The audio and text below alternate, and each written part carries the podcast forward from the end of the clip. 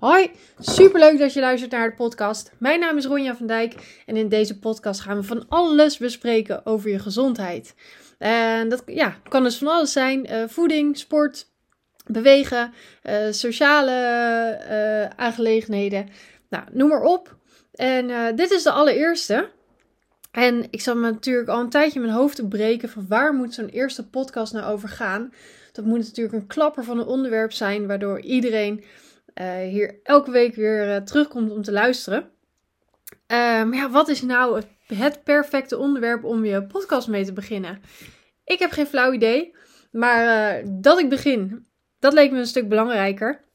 En ja, eigenlijk toen ik vanochtend in de gym stond, toen viel mij op dat er, en trouwens niet alleen vandaag, maar bijna alle dagen dat ik ga trainen, dat er altijd wel mensen zijn die zeggen of klagen of uh, benoemen dat ze nog ontzettend spierpijn hebben van de vorige keer.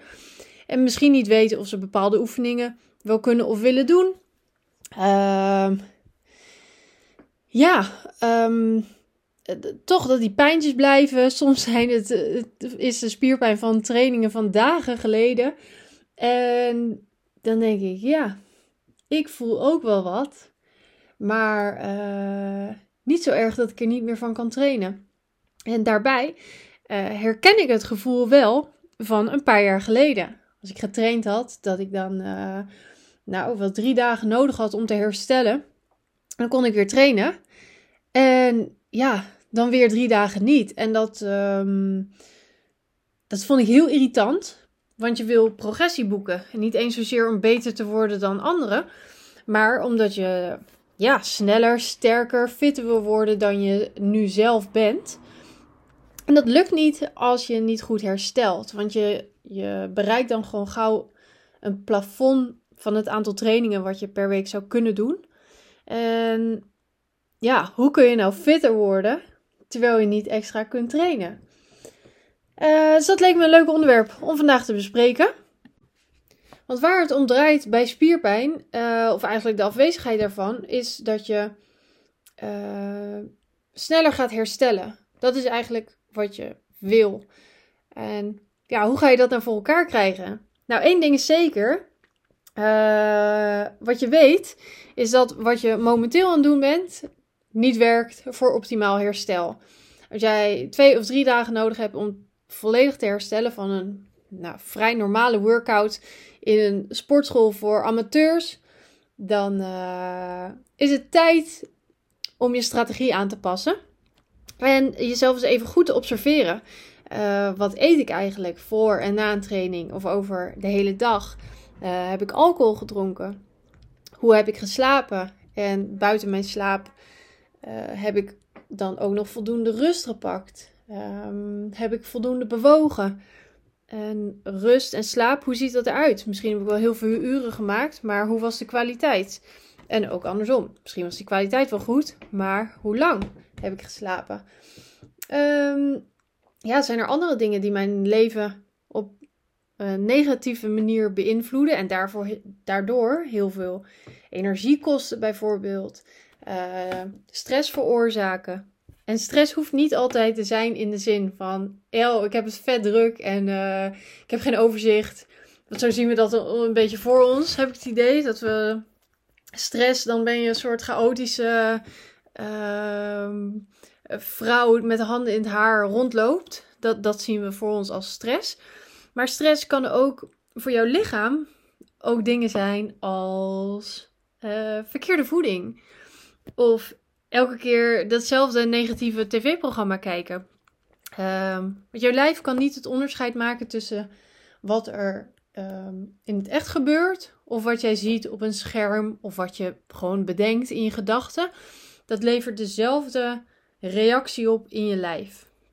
Dus kijk jij elke avond naar dingen of luister je veel naar dingen, bijvoorbeeld het nieuws, die jou uh, ontzettend deprimeren, dan veroorzaakt dat stress. En stress is een onwijze ballast voor je lichaam. En daar heeft het voedingsstoffen voor nodig om, uh, ja, om de boel weer in balans te brengen. En die voedingsstoffen kun je vervolgens niet gebruiken om je spieren mee te herstellen. Dus nou, dat is uh, de eerste stap. Ga eens observeren. En dan Het liefst zonder oordeel. Gewoon, wat doe ik nou eigenlijk heel de dag? En de tweede stap is dan, hey, wat kan ik nou veranderen? Wat is er goed voor mijn gezondheid? Um, want ja, eigenlijk is goed herstel niets anders dan uh, ja, optimale gezondheid creëren.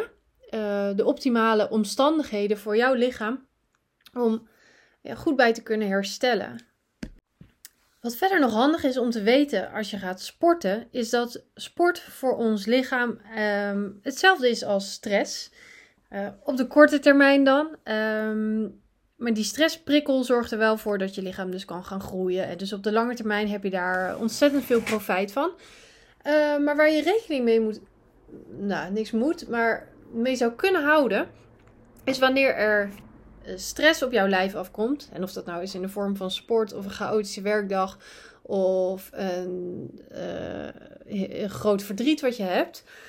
Um, het gevolg van stress is dat je lichaam, dat er meer vrije radicalen bijvoorbeeld uh, vrijkomen. En ook dat het lichaam gaat verzuren. En om die verzuring tegen te gaan, uh, gaat jouw lichaam mineralen gebruiken om de, ja, de pH-waarde, dus de zuurgraad van jouw lichaam, weer op peil te krijgen. En zo gaan dus ja, mineralen er, er razendsnel doorheen. En ja, die zul je moeten aanvullen. En je hoort me ook het uh, woord vrije radicalen noemen. Om die aan te pakken en te vangen en uh, uh, oxidatie tegen te gaan, gebruikt het lichaam antioxidanten. En ook die kun je uit je voeding halen. Maar wat moet je daar nou voor eten? Om al die stoffen binnen te krijgen en jouw lichaam te voorzien van alles wat hij nodig heeft. Nou, om te beginnen zou je kunnen uh, kiezen voor het allerkleurrijkste fruit wat je kunt vinden in de supermarkt of bij de uh, groenteboer. Nou ja, waar dan ook. Uh, kies voor fruit. en ik hoor je denken, ja, maar fruit is toch superveel suikers? ja. En het mooie daarvan is, is dat iedere cel in ons lichaam, je spiercellen, je hersenen, je organen, alles draait op suikers of op koolhydraten, glucose, hoe je het ook noemen wilt.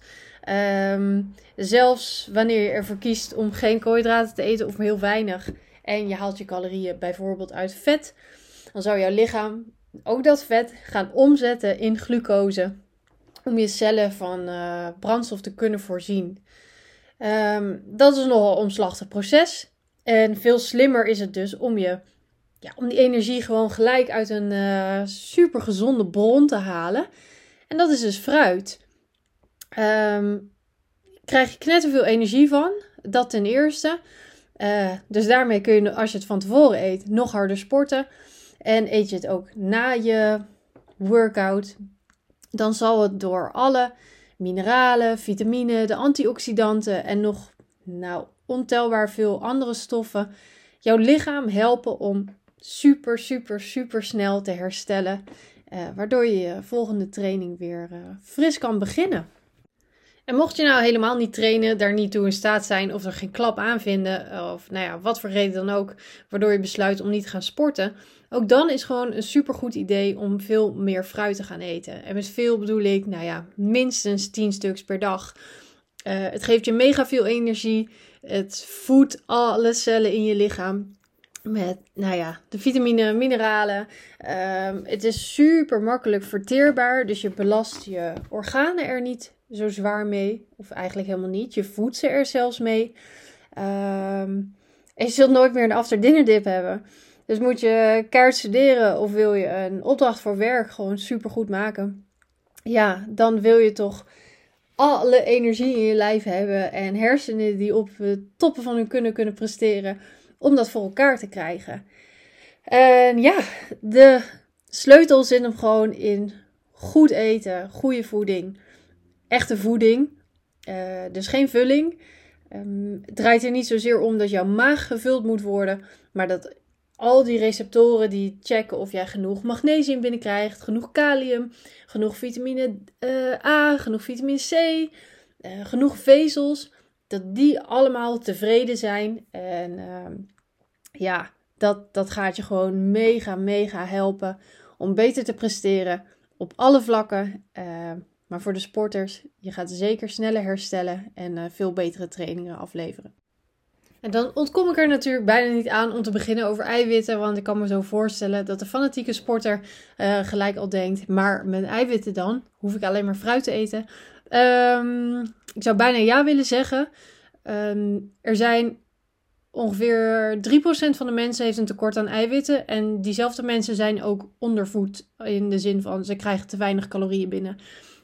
Dus uh, die kans is mega klein. Uh, zelfs de meeste veganisten krijgen nog meer dan uh, eh, 70% te veel eiwitten binnen.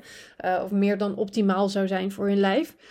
Dus maak je daar vooral geen zorgen om. Ehm, sterker nog, wat ik je zou willen meegeven, is dat met name dierlijke eiwitten, en dan gaan we het weer even hebben over dat proces van verzuren van je lichaam is dat dierlijke eiwitten een uh, verzurend effect hebben op ons lijf. En dat geldt trouwens ook voor geraffineerde producten zoals, uh, nou ja, eigenlijk gewoon alle verpakte troep in de supermarkt. En uh, wat is het nadeel van die verzuring? Dat je lichaam dus nog meer mineralen nodig heeft. Een voorbeeld daarvan is dat de, wie heel veel vlees eet en veel zout, veel meer calcium verbruikt dan bijvoorbeeld een veganist of een vegetariër, maar vooral meer dan een veganist. Uh, calcium, ja, die, dat kun je eigenlijk net zo zien als het uh, kalk in je badkamer. Uh, zit er veel kalk, dan kun je dat met zuur of ja, citroenzuur of whatever, azijn, kun je dat oplossen. Maar andersom, als er in jouw lichaam te veel zuur is, dan heb je dus vreselijk veel calcium nodig om dat op te heffen. En uh, dat is ook een van de redenen, of kan een van de redenen zijn, waardoor je uh, misschien wel, ondanks of door je eiwitshakes, veel meer spierpijn ervaart. Of ondanks of dankzij de ontzettende hoeveelheden biefstuk of kipfilet die je wegwerkt.